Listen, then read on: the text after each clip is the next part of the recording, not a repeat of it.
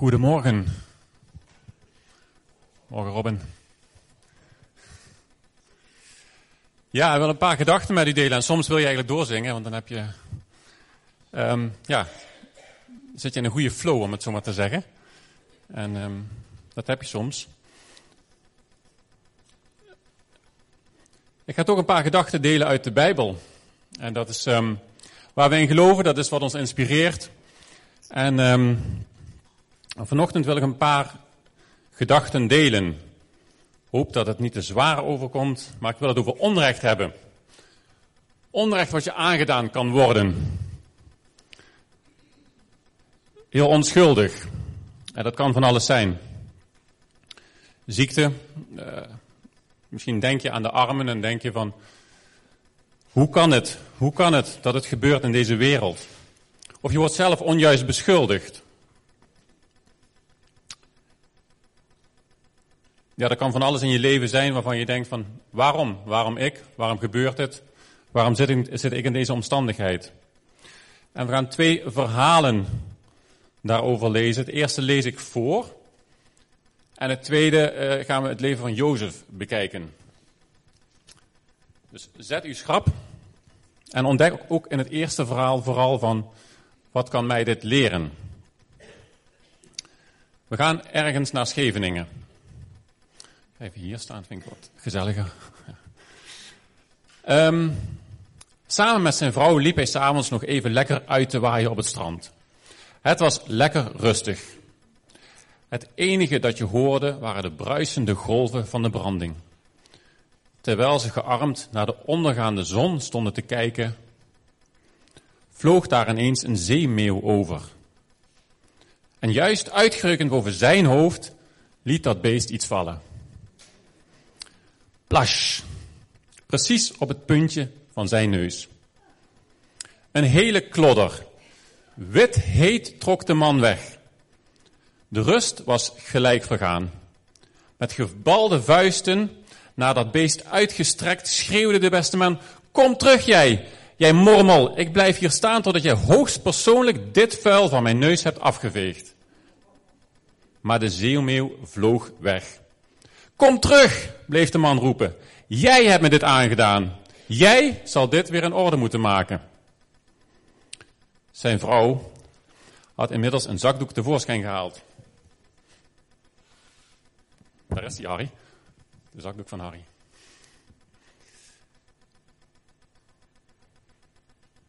De vrouw had simpel een zakdoek tevoorschijn gehaald.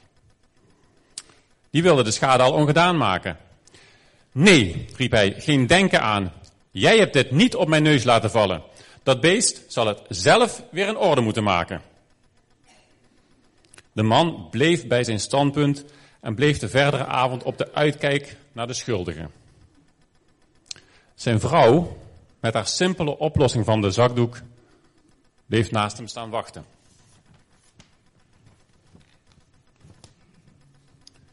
De volgende dag op kantoor had hij behoorlijk veel uit te leggen. Het meest beroerde was dat hij de bron van algehele hilariteit werd. En dat alles, dacht hij, is de schuld van het rotbeest. Het werd in de loop van de dag steeds moeilijker om te functioneren op zijn werk. Hetgeen wat hij heel goed zag, was die kwak op zijn neus. Daaromheen kijken was vrijwel onmogelijk. Aan het eind van de werkdag begon het ook nog een geur te verspreiden. Collega's liepen nu met een ruime boog om hem heen. Thuis wachtte zijn vrouw in de deuropening met de zakdoek in haar hand. Nee, zei hij toen hij thuis kwam, het is de schuld van die zeemeeuw. Hij zal dat ook weer in orde moeten maken. Die avond stonden ze weer op het rustige strand. Maar bij hem was de rust weg. Zal ik het dan toch maar afvegen? vroeg ze weer. Nee, riep hij. Het is dat beest die me deze ellende heeft bezorgd. Die moet het goed maken. De volgende dag wachtte hem een nog onaangenamer verrassing. Nauwelijks op zijn werk gearriveerd werd hij bij de directeur geroepen. Het dysfunctioneren van zijn medewerker was hem te oren gekomen. En hier moest vandaag nog een einde aan komen. Gebeurde dit niet, dan is hierbij onze beste vriend op staande voet ontslagen. Veel en veel vroeger dan andere dagen kwam hij die dag gebroken thuis. Het is allemaal de schuld van die ver... zeemeeuw, tierde hij tegen zijn vrouw. Ik, ik ga weer naar het strand. Hij moet en zal het in orde maken. Omstreeks het avondeten kwam hij thuis, in rottende geur om zich heen verspreidend. Ik kan het zo met mijn zakdoek afvegen, zei zijn vrouw. Dan kunnen we daarna eten en dan gaan we nog naar het verjaardagsfeestje van je broer. Mens, doe niet zo simplistisch, riep hij. Zo makkelijk is het helemaal niet. Die avond staan ze bij zijn broer op de stoep. Het hele huis is vol familie en kennissen. Het is een gezellige drukte. De broer komt aan de deur en ruikt de onaangename geur. Wat heb jij nou? Zeg, je komt als feest toch niet hier voor zieken? Feestgangers komen kijken wat er bij de deur aan de hand is. Bah, roept de een. Moet je zo op het feest van je broer verschijnen? Iedereen geeft te kennen dat ze hun feest niet willen laten bederven. In de auto barst hij in huilen uit. Niemand moet me meer. Niemand geeft om mij. Niemand houdt van mij. Zijn vrouw slaat haar arm om hem heen. Ik hou van je, zegt ze. En drukt een stevige kus op zijn mond. Hij kijkt haar recht in de ogen en ziet liefde. Dan laat hij zijn neus met de zakdoek schoonpoetsen. Tot zover het eerste verhaal.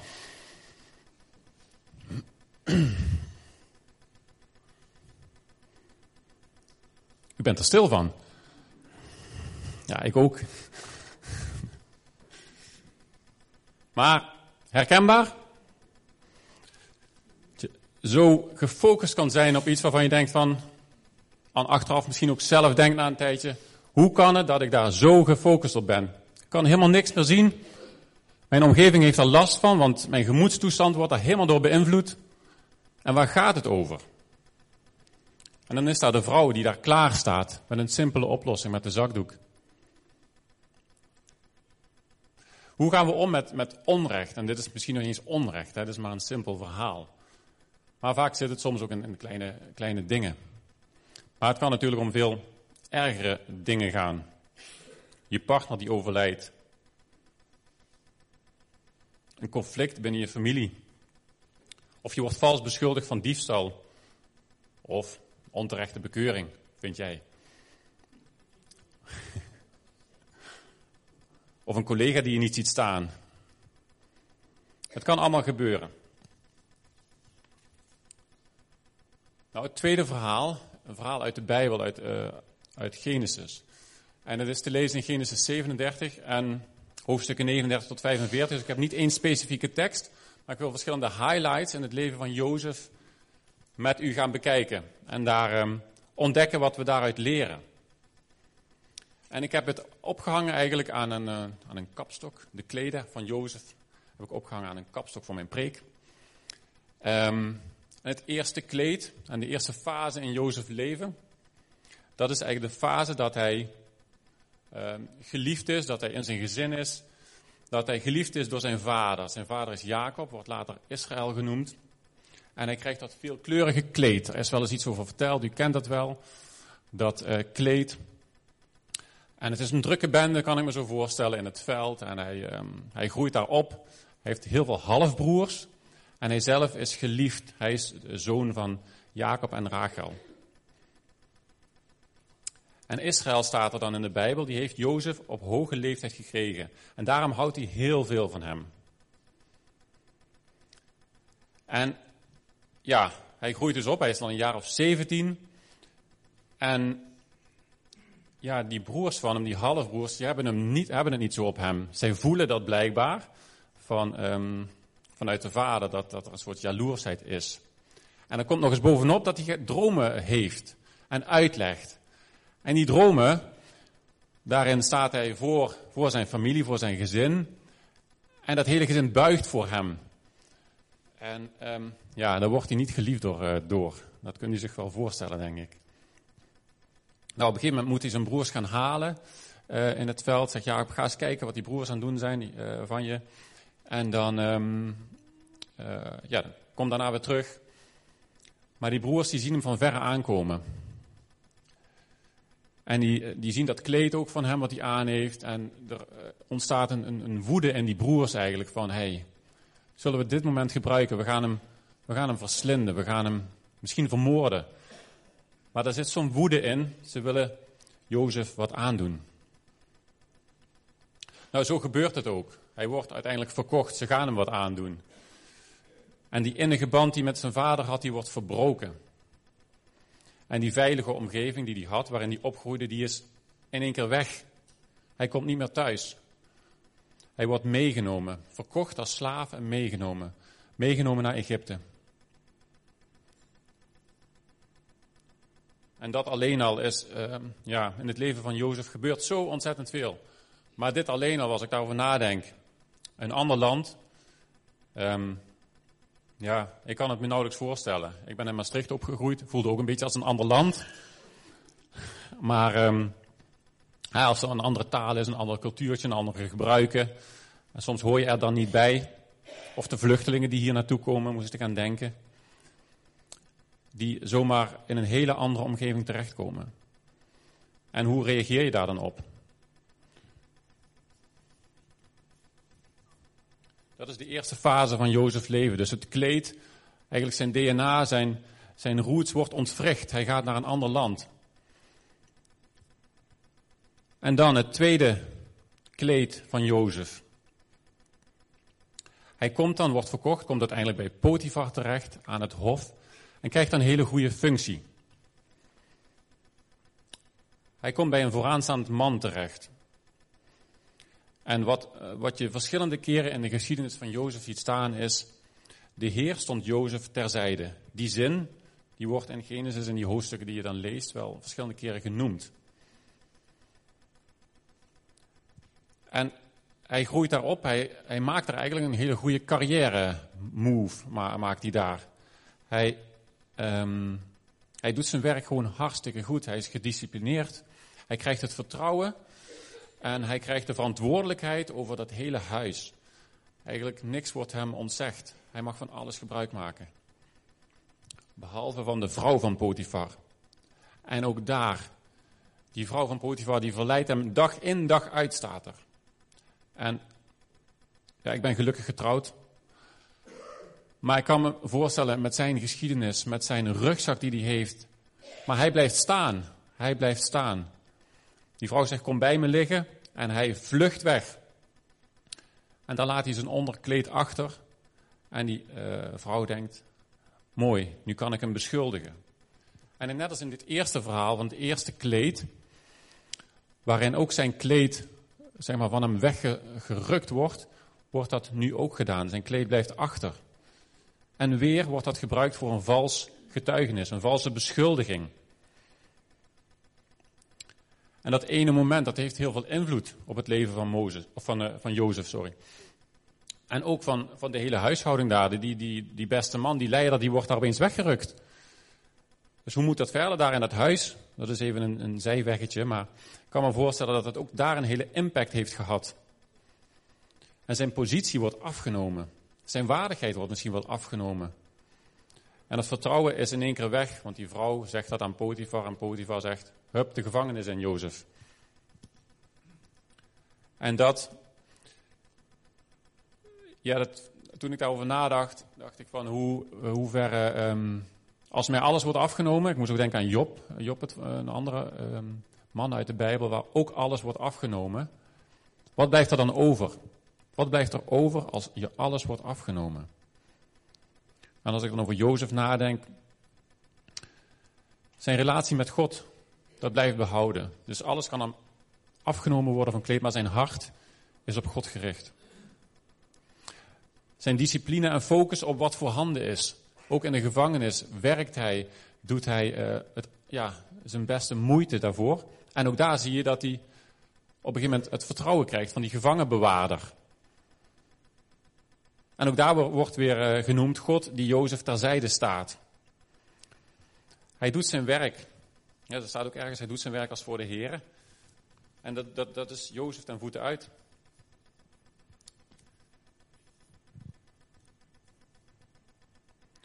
En ook in die uh, gevangenis, daar krijgt hij weer dromen. Uh, of dat, moet ik zo zeggen, hij legt dromen uit. Van, van een tweetal mensen die daar ook in de gevangenis terechtkomen. En dat zegt mij ook dat zijn relatie met God zodanig was. Um, ja, hij, hij focust op God. Hij focust niet op zijn eigen. Hij zat dan misschien wel eens in een hoekje te huilen, maar hij had een andere focus. Hij zag het grotere geheel. En dat gebeurt, dat, dat lees je ook later, als hij zijn broers weer ontmoet. Maar hij wordt uiteindelijk, legt hij die dromen uit en heeft Potifar ook een droom. En ook die droom legt hij uit. Ik ga nou in vogelvlucht door, het, door de geschiedenis heen. Um, maar uiteindelijk wordt hij onderkoning. Onderkoning en mag hij in hongersnood al het voedsel verdelen, omdat hij zo'n vertrouwen krijgt, zo'n hoge positie uh, heeft op dat moment. Hij keert dan ook terug in die positie als koning. En dan komt het moment met de verzoening van de broers. En ja, dan, dan mag hij gaan uitdelen. Dan mag hij gaan uitdelen als koning. En dan is die hongersnood. Daar mag hij een, een sleutelrol in hebben om uh, het voedsel te verdelen voor heel Egypte. En dan ga ik even mijn andere papiertje erbij pakken.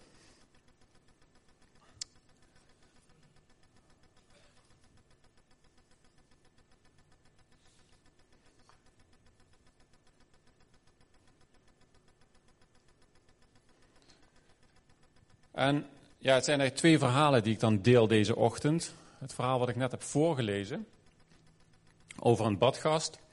En het verhaal van Jozef. En dan, als ik dan nadenk over de verschillen, dan um, heb ik een paar dingen genoteerd. Wat is het verschil?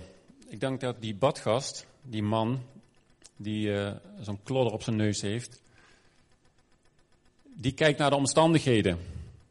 En die beïnvloeden hem gigantisch. En daarmee ook zijn omgeving, zijn gezin. Jozef, die staat als een rots. De drijfveer is Gods weg te gaan. En die omstandigheden uh, bij Jozef, het lijkt wel of hij ze accepteert. En of hij er ja, ogenschijnlijk vrede mee heeft. Dat zal misschien niet zo zijn, maar als ik het lees, dan lijkt dat bijna zo. Hij blijft op God gericht. De badgast daarentegen, die richt zich op die veroorzaker. Ik zal hem krijgen.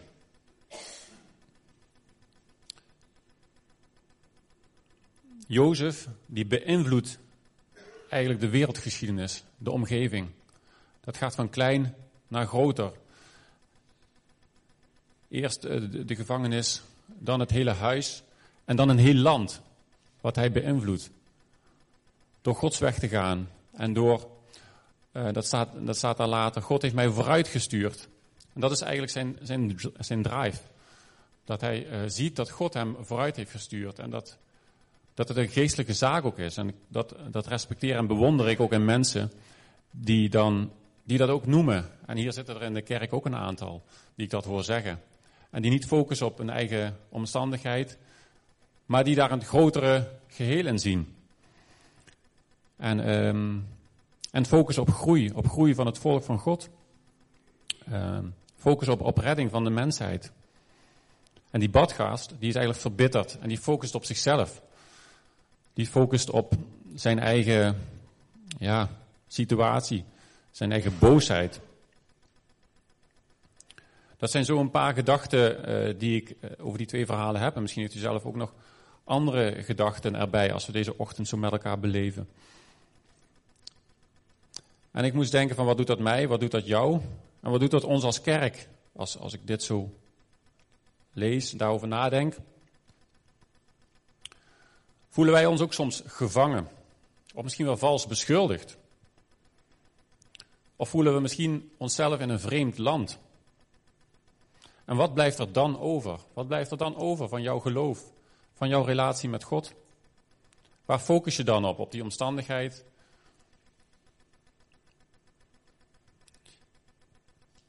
En kunnen wij net als Jozef dan focussen op gewoon ons werk, onze relatie met de mensen om ons heen en onze relatie met God? Kunnen wij ons beseffen dat er een groter plan is in plaats van ons eigen ik? En het grotere plan kunnen wij beseffen dat er een, een groei is, een wereldgeschiedenis die gaande is, waarin wij gebruikt kunnen worden, waarin we een schakeltje mogen zijn. Wij geloven in God. Wij geloven ook dat God ons kan gebruiken. Wij geloven dat zijn geest, dat staat ook in het verhaal van Jozef, dat de geest van God op hem rust. Dat ziet zijn omgeving. Geloven wij dat wij bruikbaar zijn, dat wij gebruikt kunnen worden met de Heilige Geest die ons leidt?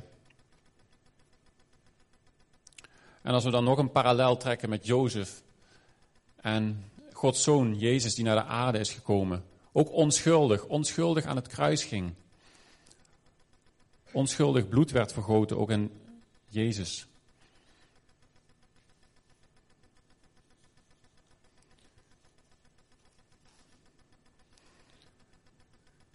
Dus waar herken jij je in? In de badgast? Of zie je al eigenschappen van Jozef in je? Het mooie is dat Jozef een typebeeld van Jezus is.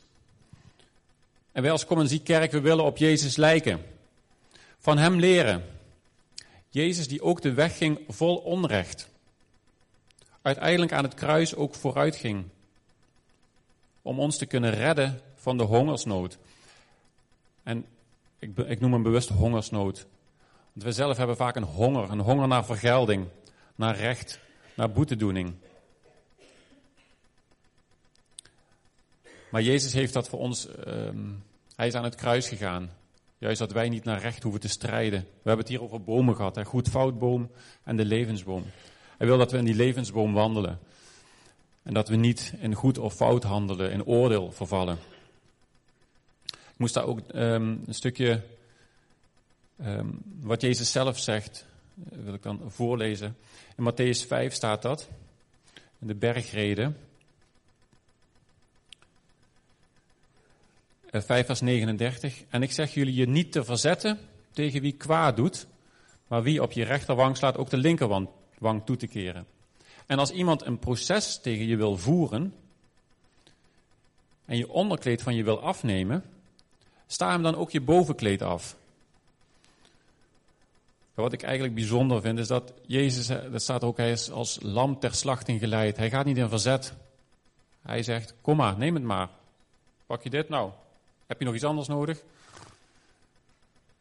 En dat, dat vergt geloof. Dat vergt eigenlijk een ontzettende moed. En geen angst. Geen angst dat van, ah, help, het gaat mis. Menselijk gezien. Ik zou dat wel hebben. Maar hij vertrouwt erop dat uiteindelijk, door dat dal heen, door die hele geschiedenis ook van Jozef heen, wordt hij verhoogd. En wordt Jezus ook verhoogd. Uiteindelijk. Mooi dat daar ook een plaatje van schetste van alle dingen die gebeurd zijn, die geprofiteerd zijn, die al gebeurd zijn. Maar staan ons ook nog iets te wachten.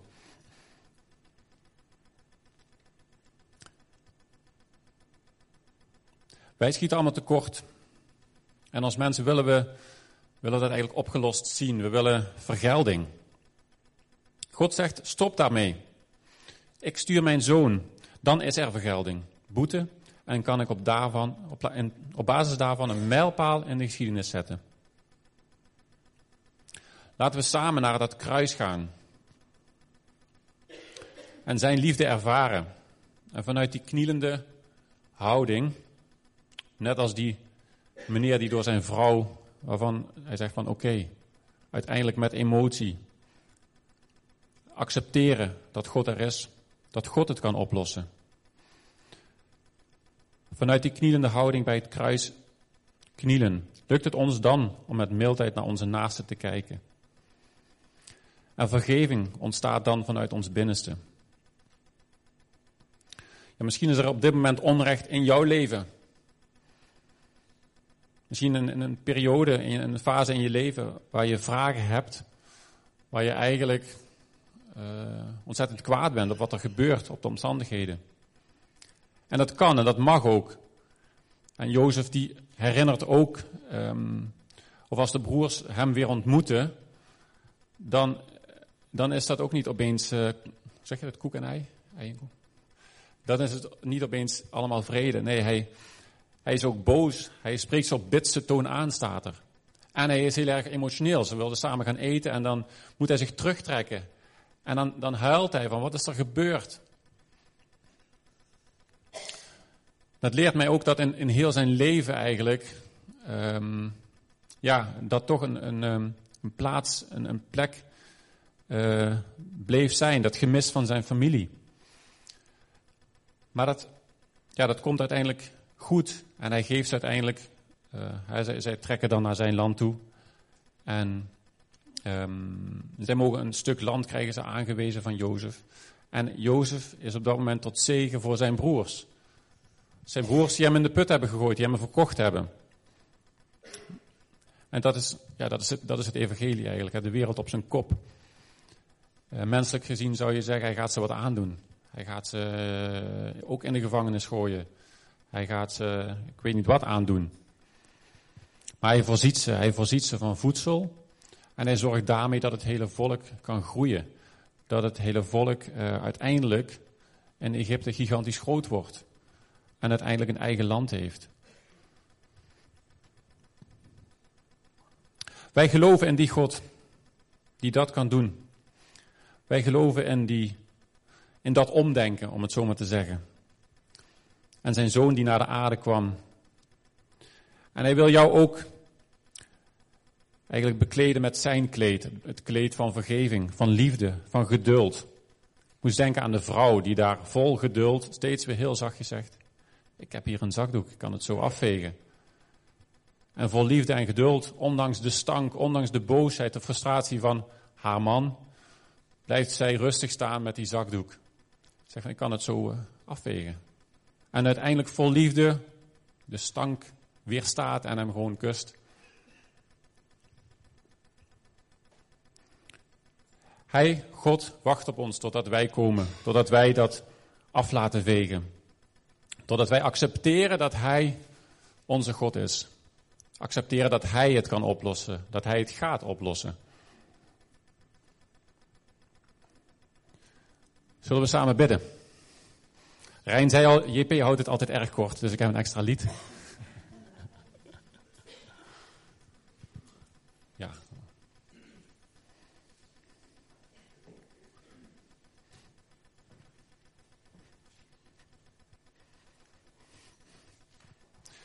Vader, dank u wel. Dank u wel voor deze ochtend.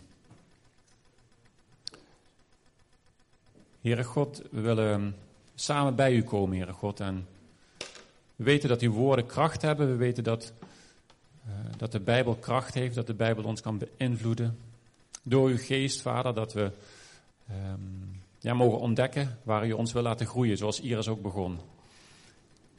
Heere God, en ja, wilt u dit moment gebruiken om dat plekje waar wij tegenaan lopen, misschien in ons leven.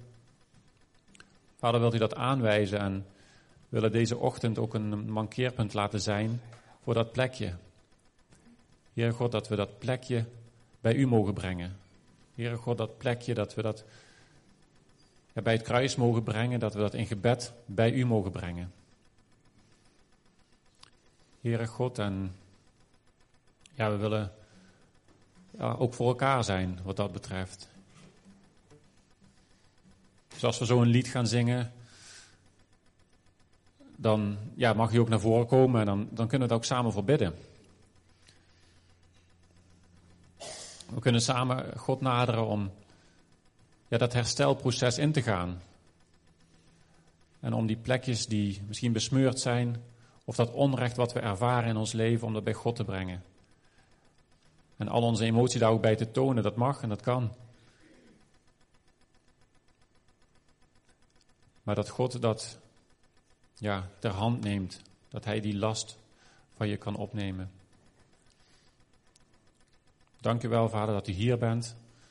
Bidden, Heere God, dat die woorden, Vader, dat die mogen landen, dat die ook uiteindelijk een bemoediging zijn, Heere God. En dat, um, ja, dat we als gemeente daarvan mogen groeien als individu en als gemeente. Dat we ook het grotere geheel van uw kerk mogen zien, Vader, van uw koninkrijk. Heere God, en um, Ja, dank u wel voor deze ochtend, Vader. In Jezus' naam. Amen.